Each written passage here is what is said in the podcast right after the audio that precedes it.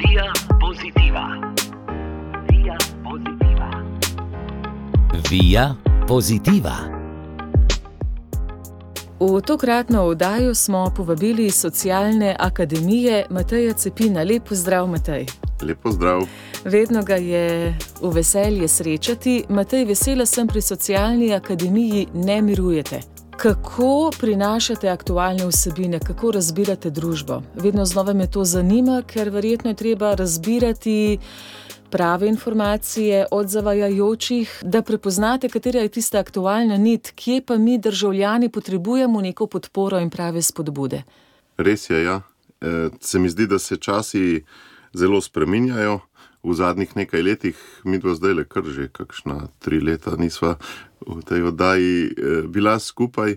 In če pomislimo samo na to obdobje, COVID, pa potem uh, vojna v naši soseščini, pa vse z njo povezane stvari, prehrana, energija in tako naprej, obstaja ena taka, kako bi rekel, schema za, za delati analizo družbe in reče se ji pest ne, kot stisnjena pest, ali ne, ne, ne tako, ampak to so štiri angliške besede za analizo družbe: ne, political, politično, ekonomikal, ekonomsko, S je social oziroma socialno in T je tehnological, tehnološko.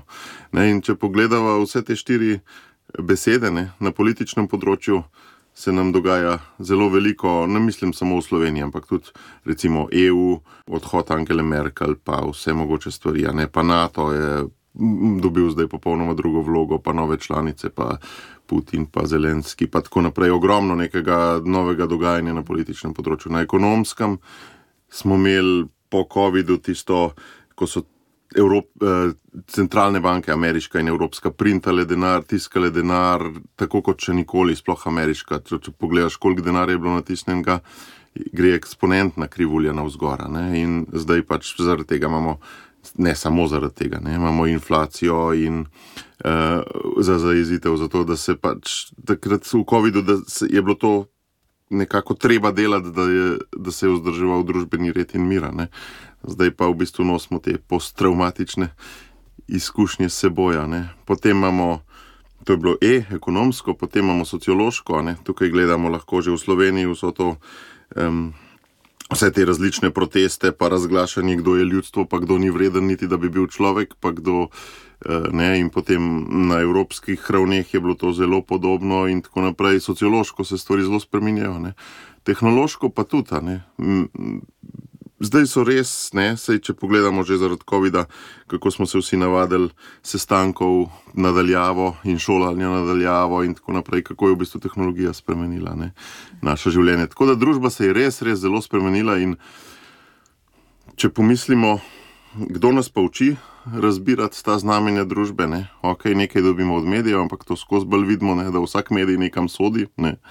Um, tudi veš, ampak pri vas mu je transparentno, kam sodijo, pri mnogih pa ni. In tudi, recimo, ko ste rekli, ne razbirati informacije iz medijev, se pravi.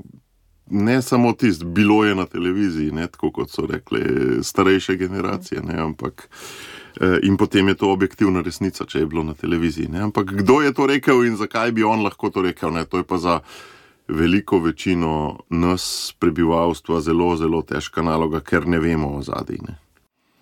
Matej Cepin, ljudje smo pa željni informacij, ker nas bega marsikaj. Se trudite, da nagovarjate čim bolj razumljivo širšo množico in kako vam to uspeva in kakšne so te vaše poti do ljudi? Ja, socialna akademija ni je, je bila pravzaprav ustanovljena z namenom, da bi se bolje razumelo družbo. Ne? Socialna akademija je bila ustanovljena zdaj nekako skoraj 20 let nazaj, strani katoliških izobražencev, Škof Stres je bil takrat tudi zraven in drugi katoliški izobraženci, ki so na nek način, če povem zelo neformalno, čeprav smo v javnem prostoru, razmišljali, da bi rabili nekaj takega, kot je FDV, ampak na temelju nekakšnega družbenega nauka crkve. Ne? Se pravi, neko fakulteto, uh, ki, bi, ki bi na nekih drugih temeljih razlagala, razlagala družbo. In, in to so si zamišljali, nekakšna posledica bo pa politično delovanje teh ljudi, pa družbeno delovanje teh ljudi in tako naprej. Ne? To jim je na nek način tudi uspevalo, ampak potem v letu približno malo po 2000 se je pa to izpelo in nihče več ni želel priti na nek neformalni tečaj za 20 vikendov. Uh, da bi pač 20 vikendov uh, v enem letu pa pol dal in poslušal sicer zelo dobre predavatelje. Ne? To se je spremenilo, spet tehnologija se je spremenila, informacije so bile vedno bolj na internetu, čas je postal bolj dragocen in tako naprej. Ne. Tako da potem so pač te vsi, večinoma 60 plus uh, osebe, eh, katoliški izobraženci, prišle do nas na mladinski ceh, ki smo bili pa 30 minus, vsi po vrsti takrat še um, uh, stari. In uh, se je skupaj rodila neka lepa zgodba, ne? ampak daleč od tiste prvotne 20 vikendov in tako naprej. No, in mi pa potem tudi nismo imeli toliko tega znanja, niti vizije, ker smo bili še vsi mladi, ne, kako razbirati družbo. Tako da jaz se mi zdi šele zdaj, ko sem nekje vmes, ne, ko sem malo več kot 45, to je glih na pol med 30 in 60. Ne? Um, nekako se mi zdi, da ste se tudi v meni kot. Uh, tistemu, ki nekako vodi socialno akademijo, združili obe ti dve komponenti. Ta mladinska, ne, da delaš, da si pobudniški, da ustvarjaš, ne, in pa ta uh, bolj modrostna. Kjer še nisem, ampak prihajam tja, se pravi, da eh, razbiraš znamenja časov in družbe. Ne. No, in eh, ena taka stvar, ki jo zdaj le zelo um, eh, intenzivno delamo na socialni akademiji, je portal razgledan.si um, torej spletni portal, ki, katerega poslanstvo je prinašati enostavne razlage družbe v nekaj minutah. Naprimer, primer, eh, torej portal ima zaenkrat gor 16 lekcij in jih bomo dodajali in jih, še, in jih že ustvarjamo. Naprimer, kaj je populizem? Ne? Slišali smo v zadnjih dveh letih mnogo krat besedo populizem. Ne? In se mi zdi, da z njo opleta tako kot fašizem ali pa ne vem kaj. Ne? Z njo opleta marsikdo za marsikoga, ki ga pač želi diskvalificirati. Ampak kaj to zares je populizem, uh, da bi ti to razložil nekdo na zelo enostaven način. Ne? Ali pa druga stvar, kaj je solidarnost ali pa družbena pravičnost. Te lekcije sicer še, še nimamo gor. Um, no, in na tak način na tem portalu razgledan.si želimo poskrbeti za to, da bi se uh, ustvarila neka baza znanja o teh družbenih fenomenih uh, na zelo enostaven način. Ne. To je eden od projektov, ki ga zdaj omenjam, mogoče bo kasneje še kakšnega. Ker imate kar nekaj tudi taborov, ko se osebno srečate, potem je tu kulturna, tudi drugačna izmenjava. Zakaj je to pomembno?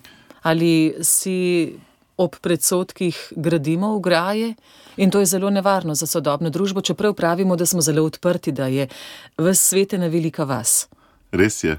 Mene je zelo nagovoril uh, citat papeža Frančiška, mislim, da je iz okrožnice Vsi smo bratje, kjer pravi, da se crkva prenavlja na obrobju.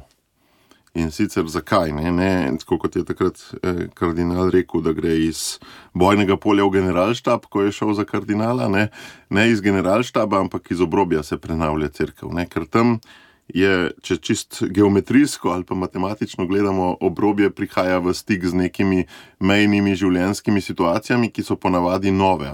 Se pravi, ki so ponavadi um, nekaj, kar se še ni zgodilo v zgodovini. In tja, tam noter se pol ustvarjajo novi načini življenja, nove besede, ki so ponavadi težke, škodljive, zelo pogosto tudi mainstream in crkveni in državni, a ne ju, jih um, odriva in se noče z njimi soočati. Um, no, in um, dialog je ena od sedmih ključnih vrednot socialne akademije. Mi smo v lanskem letu postavili sedem naših ključnih vrednot, kar tudi prispeva k temu, da zdaj veliko bolje vemo, kaj delamo in na katerih področjih delamo.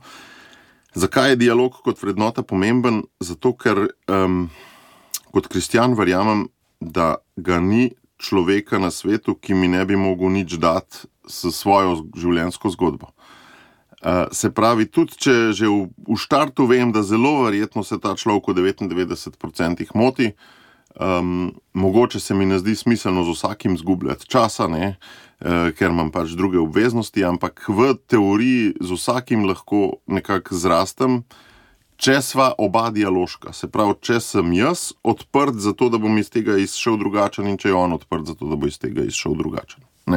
Um, čim eden ni, ne, če bi eden rad samo drugega spremenil, uh, potem to verjetno ne bo šlo skozi, ne, ne bo to dialog. No, in en tak konkreten primer je bil tabor Počimo Mehurčke, ki smo ga delali še z. Župnijskim zavodom Svetega Jurija Stara Loka, to so znani po vrtu Sončni žarek, in pa z turškimi um, muslimani, begunci v Sloveniji, ki so proti političnemu sistemu takrat zganjali puč, mislim, da je bilo 2017 ali 2016 ali nekaj takega, in v bistvu se ne morejo vrniti v Turčijo, v Sloveniji je kakšnih 50, so pa pripadniki tega gibanja Gülenovci, um, te, ta Gülen, njihov voditelj, ki je tudi v izgnanstvu v ZDA, in so ena taka zelo, bi rekel, odprta veja muslimanov v smislu tega, da so tudi zelo, zelo dialoški. In um, tudi uh, ne, vrtec Sončni žarek deluje po načelih uh, gibanja fokularov. Uh, in tudi tam v gibanju fokularov, jaz prej nisem jih tako dobro poznal, jih šele zadnjih 6 let poznam, je dialog zelo, zelo pomembna vrednota. No, tako da smo se našli tri organizacije, ki smo ta dialog zelo želeli gojiti, in smo v začetku julija v celju pri Svetem Jožefu priredili tabor, ki se ga je udeležilo okrog 70 um, slovenskih in turških družin in uh, ustvarjali različne prostore dialoga. Recimo, um, šli smo jim pokazati teharje. Um, šli smo v Žičko kartuzijo, oni so uh, nas učili peč to, aš, eh, kuhati to ašuro, to je njihova zelo tradicionalna jed. Bili smo prisotni na molitvi drug drugega, veliko smo se pa pogovarjali tudi o šestih temah, ki smo jih pa prejšnje leto določili, da so nam pomembne. Mi smo skupaj določili že prejšnje leto šest tematik. Eh, ki so nam pomembne, in o njih smo pa govorili. Recimo, ena od šestih je bila družina, in smo pač govorili o družini, kaj nam je pomembno pri družini, kaj ne. Potem solidarnost je bila ena, uh, potem civilna družba, torej biti aktiven, družbena participacija um, in še uh, medverski dialog in medkulturni dialog. Teh šest tematik smo zbrali in smo polo njih debatirali. Otroci so imeli pa delno svoj program, delno so bile pa družine skupaj. No, sej sodelavka Meta Potočnik je to dobro predstavila tudi v svojih krajših oddajah življenje išče pot. Matej Cepin iz Socialne akademije je tokrat v našem studiu. Predvsem sva se srečala eh, željo predstaviti čim bolj program razgledam.si. Matej pa še eno pod vprašanje, dialog je vrednota. Katoličani Kristijani dosti krat ne želimo vstopiti v dialog, ker se nam zdi, da bomo z dialogom pa nekaj izgubili. Kaj to tebi pove, ko se kdo od nas tako odzove? Ja, za dialog je sta dva pogoja, praviloma. In sicer to, da si sam trden v svoji identiteti, hkrati pa da si odprt za uh, identiteto drugega. Ne? Zdaj, če enega od teh dveh nimaš, recimo, da pač si sam ti je dosto vseeno, kdo si, ampak te pa svet zanima. Ne? Taki so marsikdaj, kakšni mladi, ne? niti se ne poglabljajo, kdo so, ampak bi pa šli v svet in videli stvari. Uh, ali pa ta drugi ekstrem, ne? se pravi, da si sam zelo, zelo.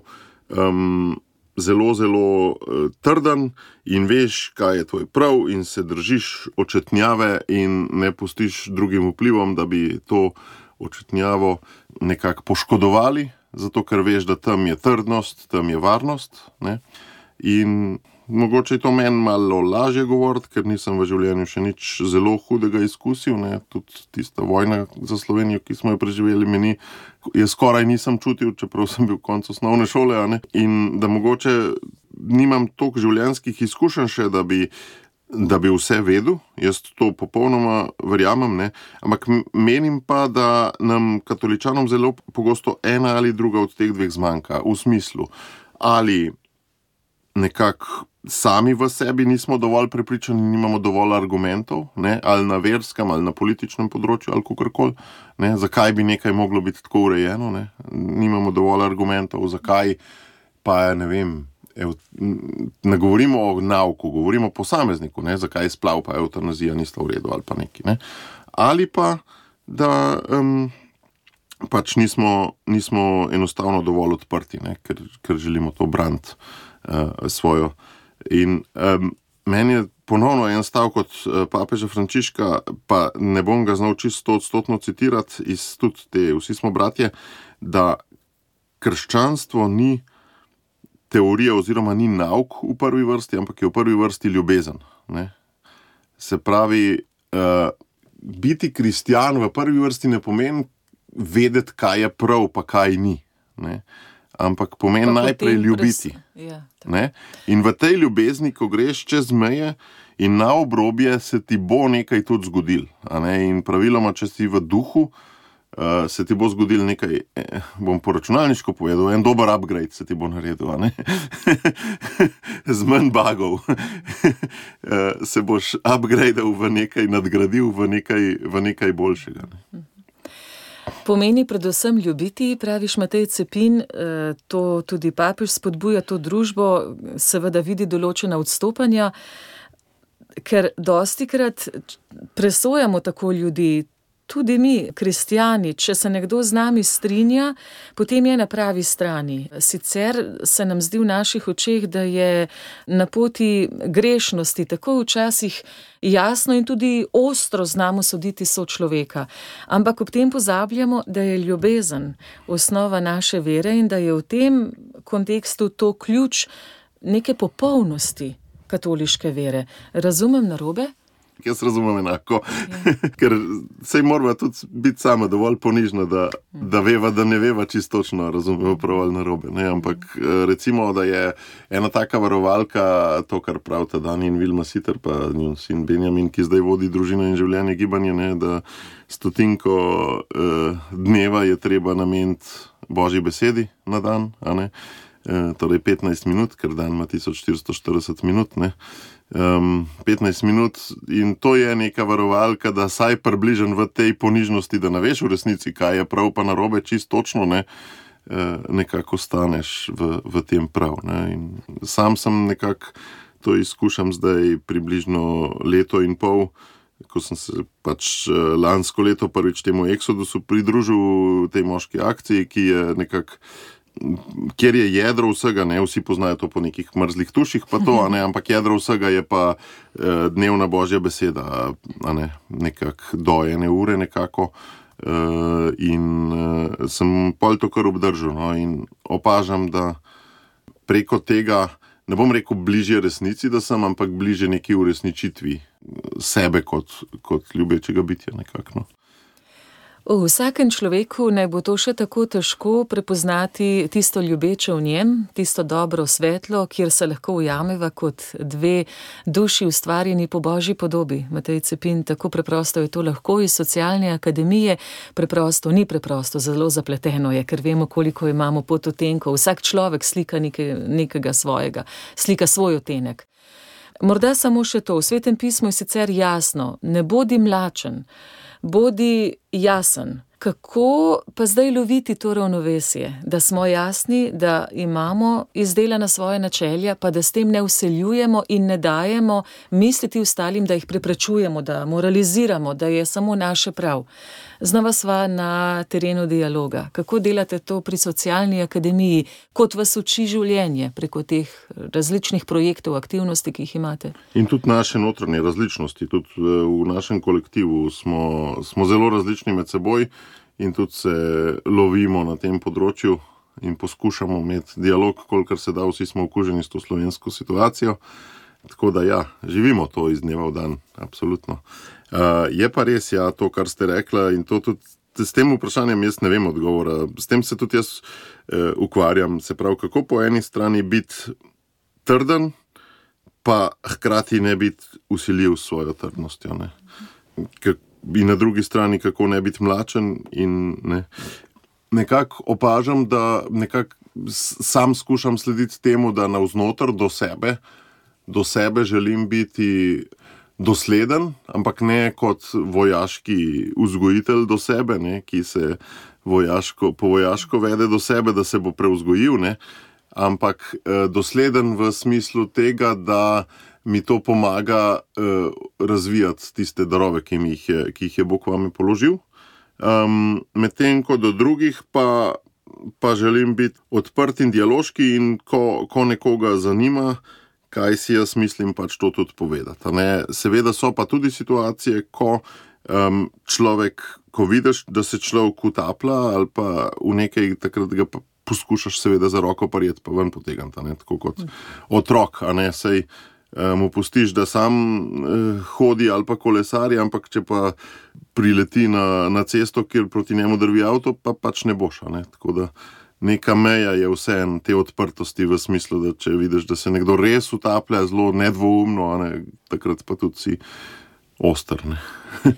Matej Cepin, socialne akademije. Mislim, da je tehtno spregovoriti še o nečem. Civilna družba je zagotovo tudi to vaše delo.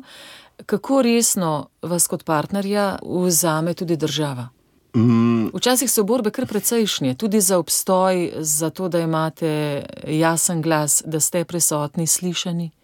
ja, lahko bi rekel, da se to deli, na, kadar je leva pa desna vlada, če se mal pošalim. A tako konkretno je. Kadar to? je leva vlada, pač smo desne nevladne organizacije nekoliko manj zaželjene, eh, kadar je pa desna vlada, smo pa vse nevladne organizacije dokaj, dokaj nezaželjene. Um, ni čisto sicer tako. No. Dejstvo je, da je preživeti kar težko na tem področju, da so mnogi že poskušali, pa da niso. Da, da mi vsi rečejo, da mi mnogo ljudi rečejo, kako zanimivo delo delaš, ampak da nobenega pa, mislim, zelo redki bi ga pa šli zraven delati. No.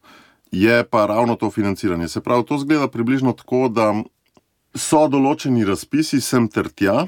Ti razpisi so na zelo različne teme, in praviloma, če ti hočeš priti, biti konkurenčen na teh razpisih, potem, potem moraš res dobro napisati. Se pravi, točno tisto, kar država ali pa Evropska unija ali pa lokalna občina, recimo, želi, da se naredi. Tisti, ki bo to bolj, več ponudil, nekako praviloma, no, če ni kakšne ideologije v zadnji, bo tudi, bo tudi uh, izbran. Zdaj pa, če pa ti in te razpisi niso tep na kožo pisani, ampak so pisani na kožo tistemu, ki razpisuje. In zdaj, če si ti ena organizacija, ki pač nekaj počne, na razpisu moraš pa nekaj drugega obljubiti, veliko krat pride do tega, da so zato mnoge nevladne organizacije temu principu sledijo follow the money in pač delajo pol to, pa ono, pa tretje, pa je tisoč projektov, pa nimajo nobene identitete. Tako da karmart med tema dvema je zelo uh, težko. Uh, ta donatorska, bi rekel, kultura. Se pravi, to, da ti nekdo da neko sredstva, s katerimi lahko neka fizična oseba ali pa podjetje, ne, nekdo peč, ki je. Je pa v Sloveniji zelo še nerazvita, prvič zato, ker nimamo veliko eh, tega bogatega razreda, in drugič zato, ker pač davčnih struk, eh, stimulacij ni prav dosti, in tretjič tudi zato, ker pač um, tudi te ne vejo še čistočno. Pač ni, ni v družbi to prepoznano. No, tako da so to, redki. Ja, ker imamo dohodnino, konec koncev, že tisti odstotek lahko namenimo. Tako, ja. Ampak še to ne izrabimo. Večina, Le mislim, da zdaj odstotek. že, ampak uh, zagotovo je pa še mnogo. Ja. Ja, um, Je še prostor. Še, še, še.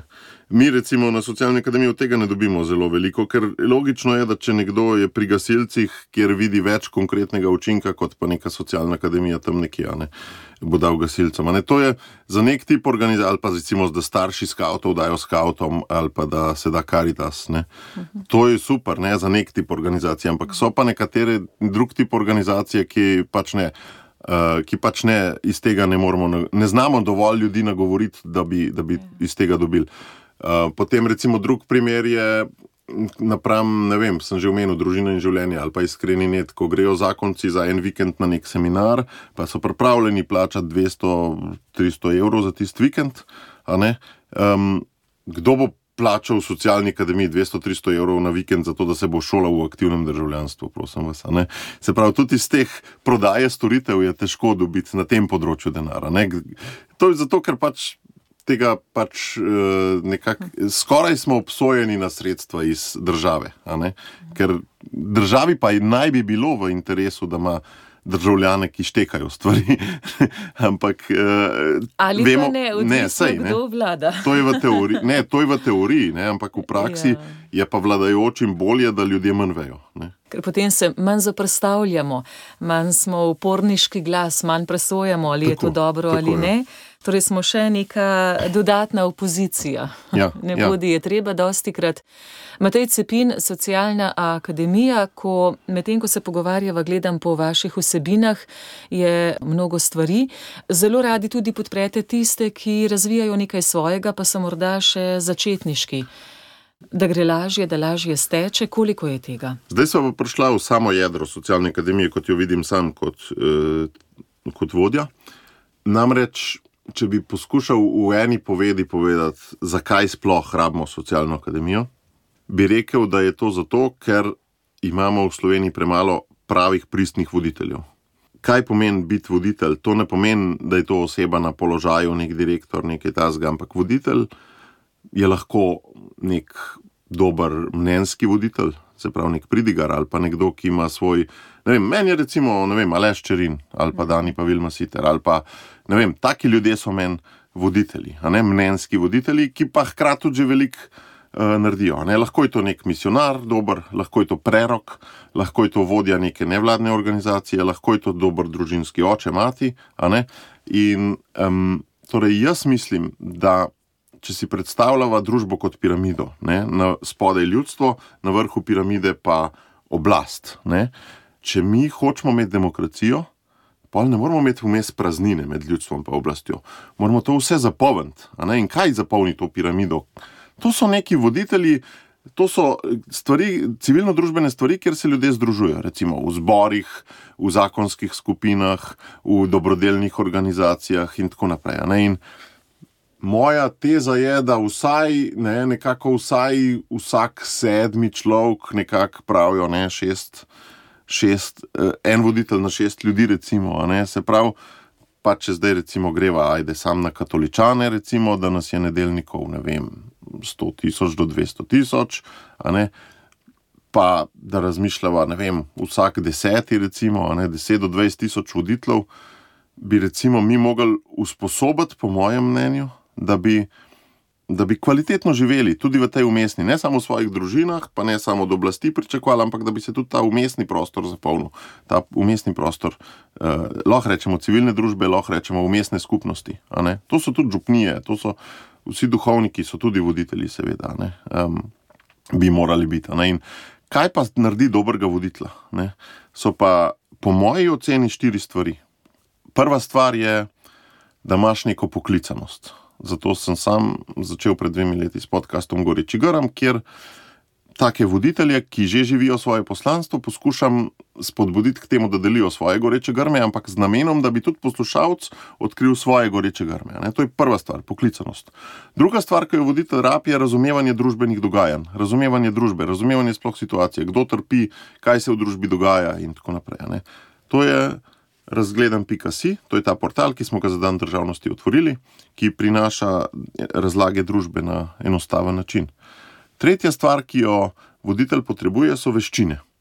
Se pravi, da zna imeti dober javni nastop, da zna projekt napisati za financiranje, da zna motivirati skupino, da zna in večer družabni organizirati in tako naprej. To se ponavadi dela z raznimi tečaji, ne, z raznimi usposabljanji in tako naprej. To na socialni akademiji že zelo dolgo delamo. In četrta stvar je, pa, je pa ta socialna komponenta, to so pa drugi voditelji. Se pravi, da si ti z drugimi voditelji v nekem družabnem povezovalnem odnosu.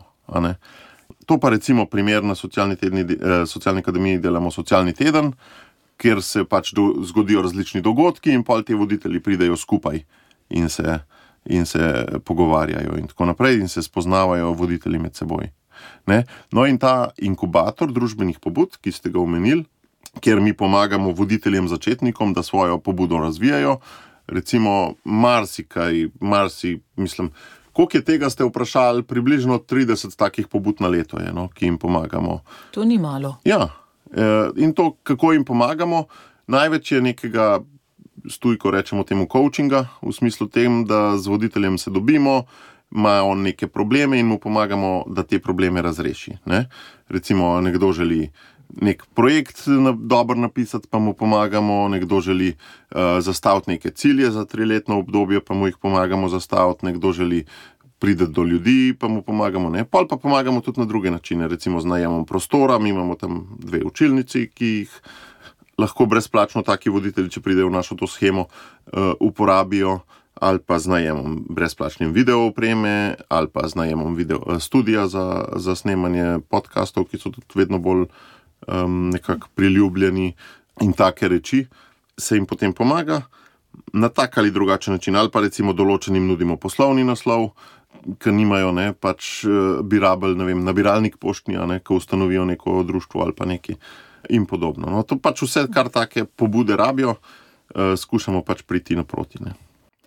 Te aktivnosti si želite, da bi bili bolj vključeni, da bi sooblikovali družbo, ne samo da sledimo toku in pač vzamemo, kar nam je pa všeči, vračamo pa niti ne, ne več od nekega osnovnega svojega deleža, tako da hodimo nekam v službo, plačamo davke, vse ostalo pa pravzaprav se nas niti ne tiče. So pa Pričakujemo od oblasti, ja. pričakovanja od oblasti in od družbe pa ogromna. Ja, ja. Ampak v resnici, če pogledamo stvar z druge strani, in to je pa tisto, kar mene osebno najbolj nagovarja za moje osebno poslanstvo. Jaz tudi sam tist, imam, ne vem, poškodovane oči, imam samo 30% vida in sem šel skozi kakšno fazo osnovne šole ali pa če sem malo težje. Ampak sem pol na eni točki odkril, da kljub temu, da imam ene zelo močne oska grla v svojem življenju, zaradi tega ne morem 90% poklicov upravljati, naprimer, in tako naprej. Ne, Večino, ne, vem, ne učitelj, ne šofer, ne, ne vem, kirurg, ne, ne vem, skoraj nič ne morem biti. Ne. Ampak, da kljub temu mi je pa Bog dal kar nekaj darov, in če te darove skombiniram, lahko nekaj prispevam. Ne, kljub temu, da 90% stvari ne morem biti. Ne. In na podoben način tudi večina, grem staviti, da večina poslušalcev reče: Mah, ne, jaz nisem pa res čist nič posebenega. a ne." In tukaj je ta miselni preskok, si nekaj posebenega, a ne, si nekaj posebenega. In ravno zdaj smo bili z družino v Vržeju in je bilo eno pričevanje za koncev Lajovec. In rekel, eh, Klemen Lajovec je rekel: Ja, sej nismo nič posebenega, ampak boljših ni. A ne? To je to, kar je. a ne. Saj res nismo nič posebenega, to je to, kar je. Ampak pol ugotoviš, da si nekaj posebenega. No? Pač moramo imeti do sebe ta odnos, da smo nekaj posebenega. Sej, če pravimo, da nismo nič posebenega, mi s tem žalimo Boga. A Bog meni si pa tako brez veze ustvaril ali kaj. Ne? Kako lahko, ne? Sej se skozi učimo, da moramo hvaliti Boga za vse, kar je lepega ustvaril, razen za sebe ali kaj. Ne? Hvala za to misel. Matej Cepin iz Socialne akademije. Gledam te goreče grme. Podcasti nastajajo zdaj že več kot dve leti. Ja. In odzivnost? Je zelo lepa. Ni to toliko poslušanja, kot ga ima vaš radio. Ne? Posamezne epizode ne posluša ne vem, nekaj tisoč ljudi, ne? e, ker to ljudje za nazaj tudi poslušajo. Pač podcast je spletna radijska oddaja, približno tako kot arhiv Radio Ognišče. ne. In jaz tudi, recimo, vašo Via Pozitiva imam kot podcast nastavljeno v svojem podkastu iskalniku. Ne? Hvala lepa, zadostimo pričakovanjem, Matej. Ja, Ja. seveda.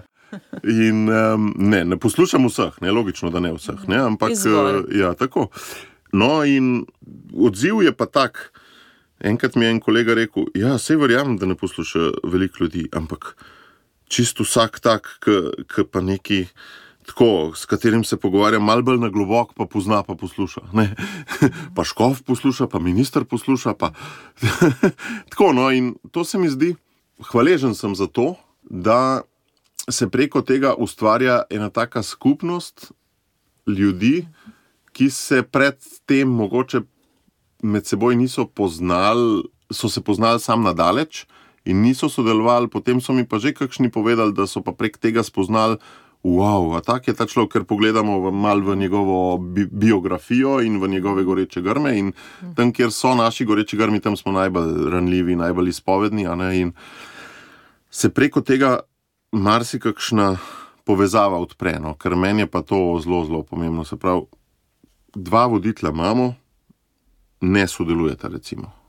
A si predstavljate, če bi ta dva voditelja, ki sta komplementarna v marsičem, začela med seboj sodelovati, da bi se dovolj pogovarjala, da bi opazila, kaj lahko naredi eden, kaj lahko naredi drugi, in bi med seboj začela se dopolnjevati. ne. Um, koliko več bi lahko naredili? Tukaj v našem, še posebej v katoliškem prostoru, pa vsak ima svoje. Mislim, delamo veliko podobnih stvari, vsak jih dela ne, in se ne specializiramo. Eni so dobri v misijonu, eni so dobri v izdajanju knjig, eni so dobri v, družb, v medijskem delu, eni so dobri v adoraciji. Um, in zakaj ne bi en človek bil več, v več skupnostih, seveda imaš kakšno primarno, ampak zakaj moramo vsi delati vse? Tega povezovanja je uh, zelo, zelo premalo. In ja, poleg tega, da goreči grmi marsikoga, hvala Bogu, resno doživljam to kot svoje delo, ker zato, ker se je kar zgodilo, no? ker se je kar zgodilo, uh, nisem načrtoval. Uh, in uh, hvala Bogu, uh, prispeva tudi k medsebojnemu sodelovanju ljudi. No? Vabljeni torej, da sledite tem gorečim grmom, predvsem zato, ker je Matej zdaj razkril iz socialne akademije, kaj izpostavljajo pri svojih sogovornikih. Preko gorečega grma smo najbolj iskreni, tam tudi najbolj ranljivi, ampak s tem tudi največ doprinesemo družbi. Sem šla pokukati, katera so ta imena, vabljivo. Bom tudi sama pogledala, si ogledala, poslušala kakšen vaš podcast, goreči grmi. Zdaj pa nazaj k portalu, ki je bil ustanovljen na Dan državnosti uh -huh. letošnje leto, razgledan Pikasi, gre za državljansko in tudi družbeno pismenost. Uh -huh. Ali je ta zelo slaba, Matej? Ste to ocenili pri socialni akademiji, da je nivo pa res porazen? Ljudje niti ne vejo, veliko krat. Vaši poslušalci, mislim, da te, ki to poslušajo, ampak veliko, mnogi ljudje ne vedo, a se bo na naslednjih volitvah volilo poslance ali predsednika republike ali župane. In dejansko tudi, ne vem, ali pa predsednik vlade, predsednik republike. To recimo veliko ljudi ne loči. Ali pa recimo, da ima država tri veje oblasti, ne? sodno, izvršilno, zakonodajno. In kdo je na vrhu teh treh vej oblasti v Sloveniji? Ne? To je približno tako, kot če ne, država je skupnost. Slovenija je dvomilijonska skupnost. Ne?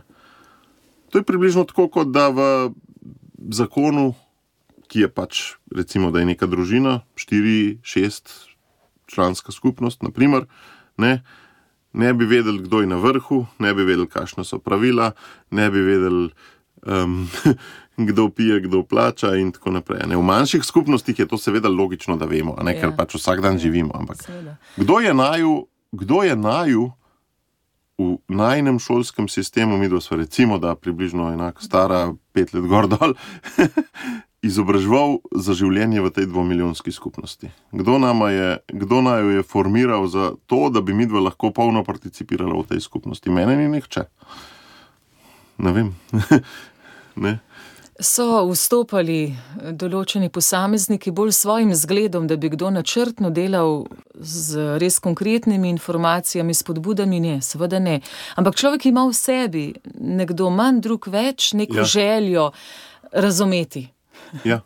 razumeti, iskati, torej... kaj je prav, kaj je resnica v tem pomenu.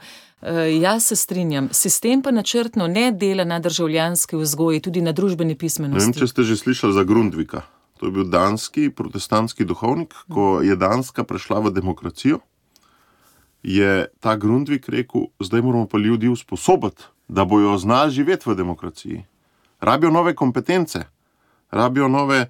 Tako kot ne vem, ko je prišel COVID, smo se mogli usposobiti, kje tipi mask obstajajo, kako se zum naštima, eh, kako se speče kruh z družmi, kako se ne vem kaj. Ene 20 kompetenc je vsak dubu, ki je prišel COVID ki je prišla demokracija, ne? kaj, certifikate smo dobili, tudi jaz sem ga že, čeprav ne vem, če nisem bil, mislim, da je 18 star ali kako je že bilo.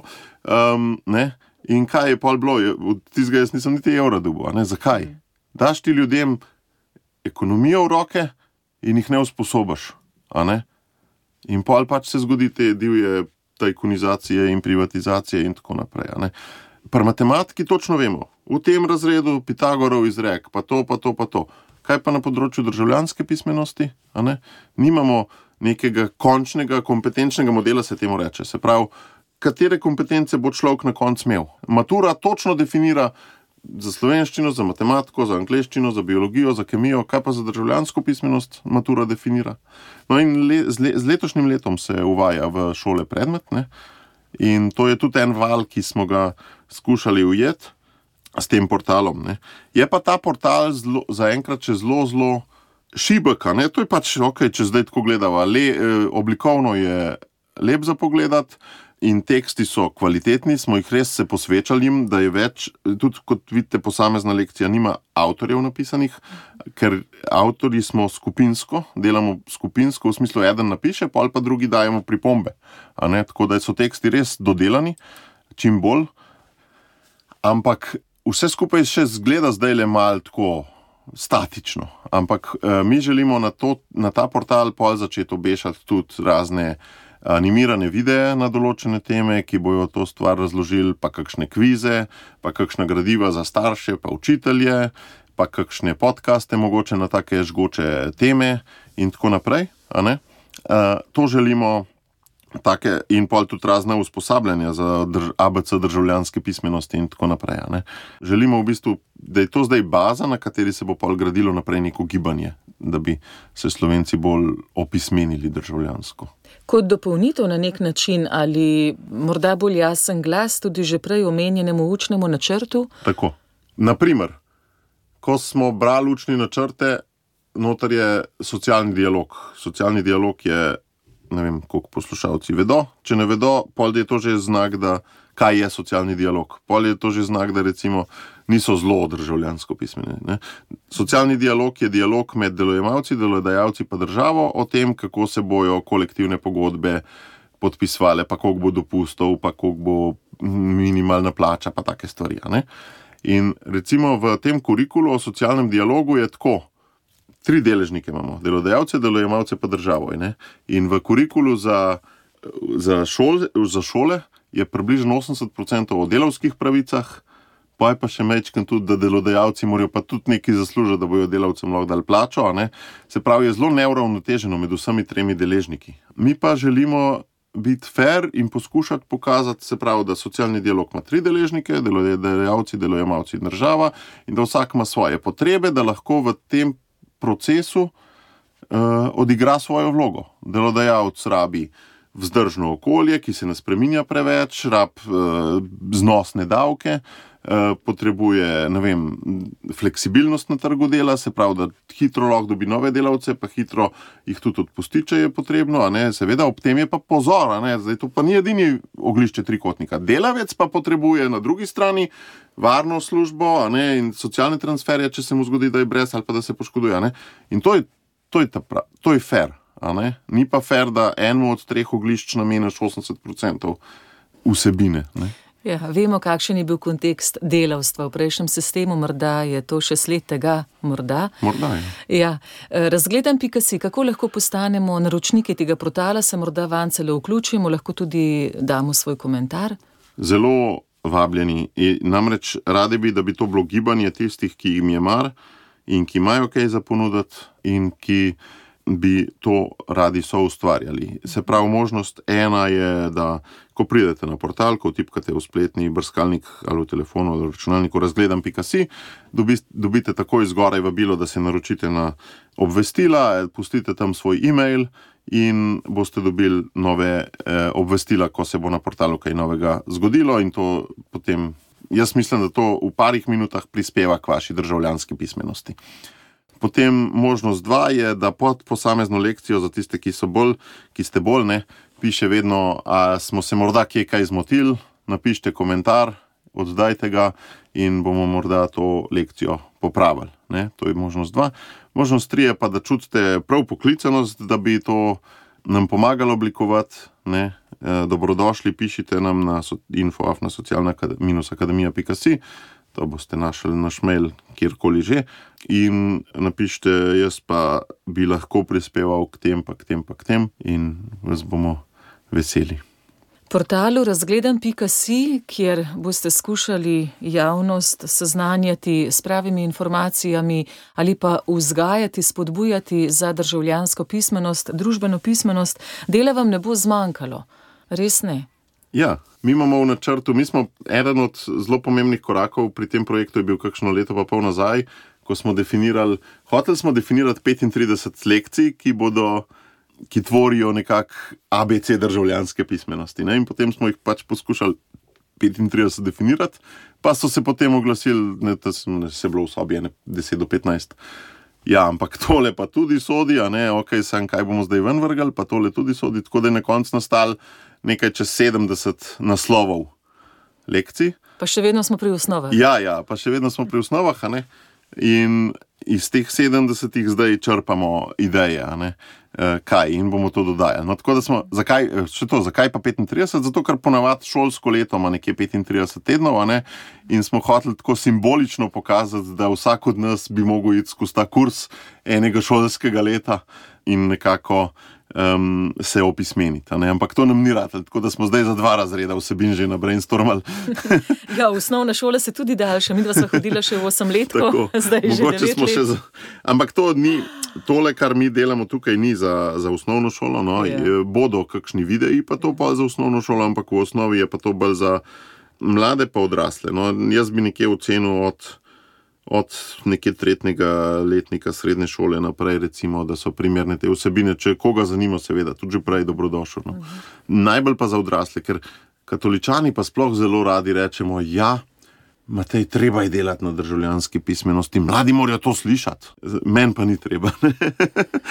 Tako, eh, ne vem. Poslušam pa zelo rad, eh, prvo se oddajo spoznanje več, predsodek manj, in recimo tam so kakšni klici noter, ki vidiš, da jim niso čisto osnovni pojmi iz državljanske pismenosti, kakšnemu poslušalcu jasni, ampak je vendarle tako pogumen, da pokliče oddajo in da ima svoje mnenje. Tako da to mi daje tudi večkrat misliti. No? da res lahko kaj naredimo. V parih minutah se da kaj narediti za to, če, če, če smo pripravljeni. No? Zato živi portal razgleden.si. Lepo je, da se tudi dopolnjujemo, da sodelujemo, podpiramo drug drugega, da je ta medijski glas čim bolj uravnotežen, da prinašamo tiste koristne, uporabne informacije, ki gradijo tisto, po čemer hrepenimo, da bo jutri boljša družba. Matej Cepin, hvala lepa za obisk, za ta čas v našem studiu iz Socialne akademije. Vsake toliko pridajo tudi do nas informacije, ki jih lahko ponudimo poslušalcem, ki se nam zdijo, da kažejo nek korak naprej, nekaj več, da ste v prednosti, da znate razbirati in da vam je mar za človeka in za to slovensko družbo. Tudi širše evropsko lahko rečeva. Hvala lepa za vaše ideje, za vaš pogum, za vašo ustrajnost. Zelo konkretna sva bila tudi, če želimo vaše delo podpreti, imamo vsi na voljo dohodnino, vsaj tam Tako. lahko svoj delež damo, sicer pa tako, da smo pač del vaših projektov, programov. Zdi se mi škoda, da si res ne vzamemo toliko časa in da se ne seznanimo, ker to je tako, kot bi v družini nekih osnovnih informacij o vzgoji ne imeli, prevzemamo pa najbolj odgovorno nalogo svojega življenja, vzgojiti, spremljati otroka do odraslosti, da bo to nekoč samostojna, odgovorna, poštena oseba ki bo ljubila življenje, sebe in ostale ljudi. Na podoben način se mi zdi, ko včasih gledaš eh, vodje, kako nespretni so. Tako kot mi, ne, ali tisti, ki ustvarjamo radijski program, ali pa tisti, ki nas včasih pokličajo, Matej, kot pravite, izkazujemo, da v osnov ne poznamo. Ampak imamo možnost in priložnost. To, da imamo demokracijo, to še ni končna postaja tega ja. našega vlaka. Namreč tudi Hitler je prišel in vse grozote druge svetovne vojne na oblast na demokratičen način. ne. Tako da to, da imaš demokracijo, še ni končna postaja. To je zdaj šele pripravljeno okolje, da se lahko začnejo pametne stvari. Ne. Le teren za pošteno igro. Tako, Ampak je težko poštena, če ne poznamo pravil. tako, odlično, odličen zaključek. Hvala vašemu mediju za to, da nas z domačo besedo obrajtate, oziroma da prepoznate naš trud. Včasih se počutimo klicu pijočega v puščavi, ampak z vami ta puščava vsaj delno ozeleni. Naj bo zelena, naj obrodi sadove, ne samo, da bo zelena. Matej Cepin, hvala lepa socialni akademiji, pa srečno veliko poleta in se ste slišali, lahko ste dejavni še kako zelo, lahko tudi poslušalke in poslušalci. Lepo poletje še naprej, Matej. Hvala enako. Via positiva. Via positiva.